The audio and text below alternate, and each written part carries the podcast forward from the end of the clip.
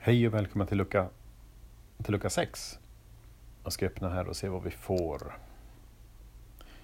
Kolsyrat vatten. Mm, vad trevligt. Det är så gott att vakna mitt i natten och dricka kolsyrat kallt vatten. Och kolsyra får man tänka på Hobbex-katalogen.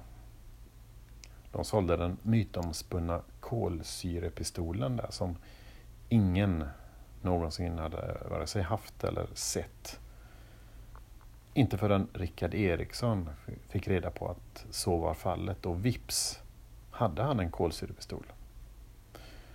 Men de där patronerna var helt värdelösa. Efter ett par skjutningar så avtog de i kraft och slutade fungera.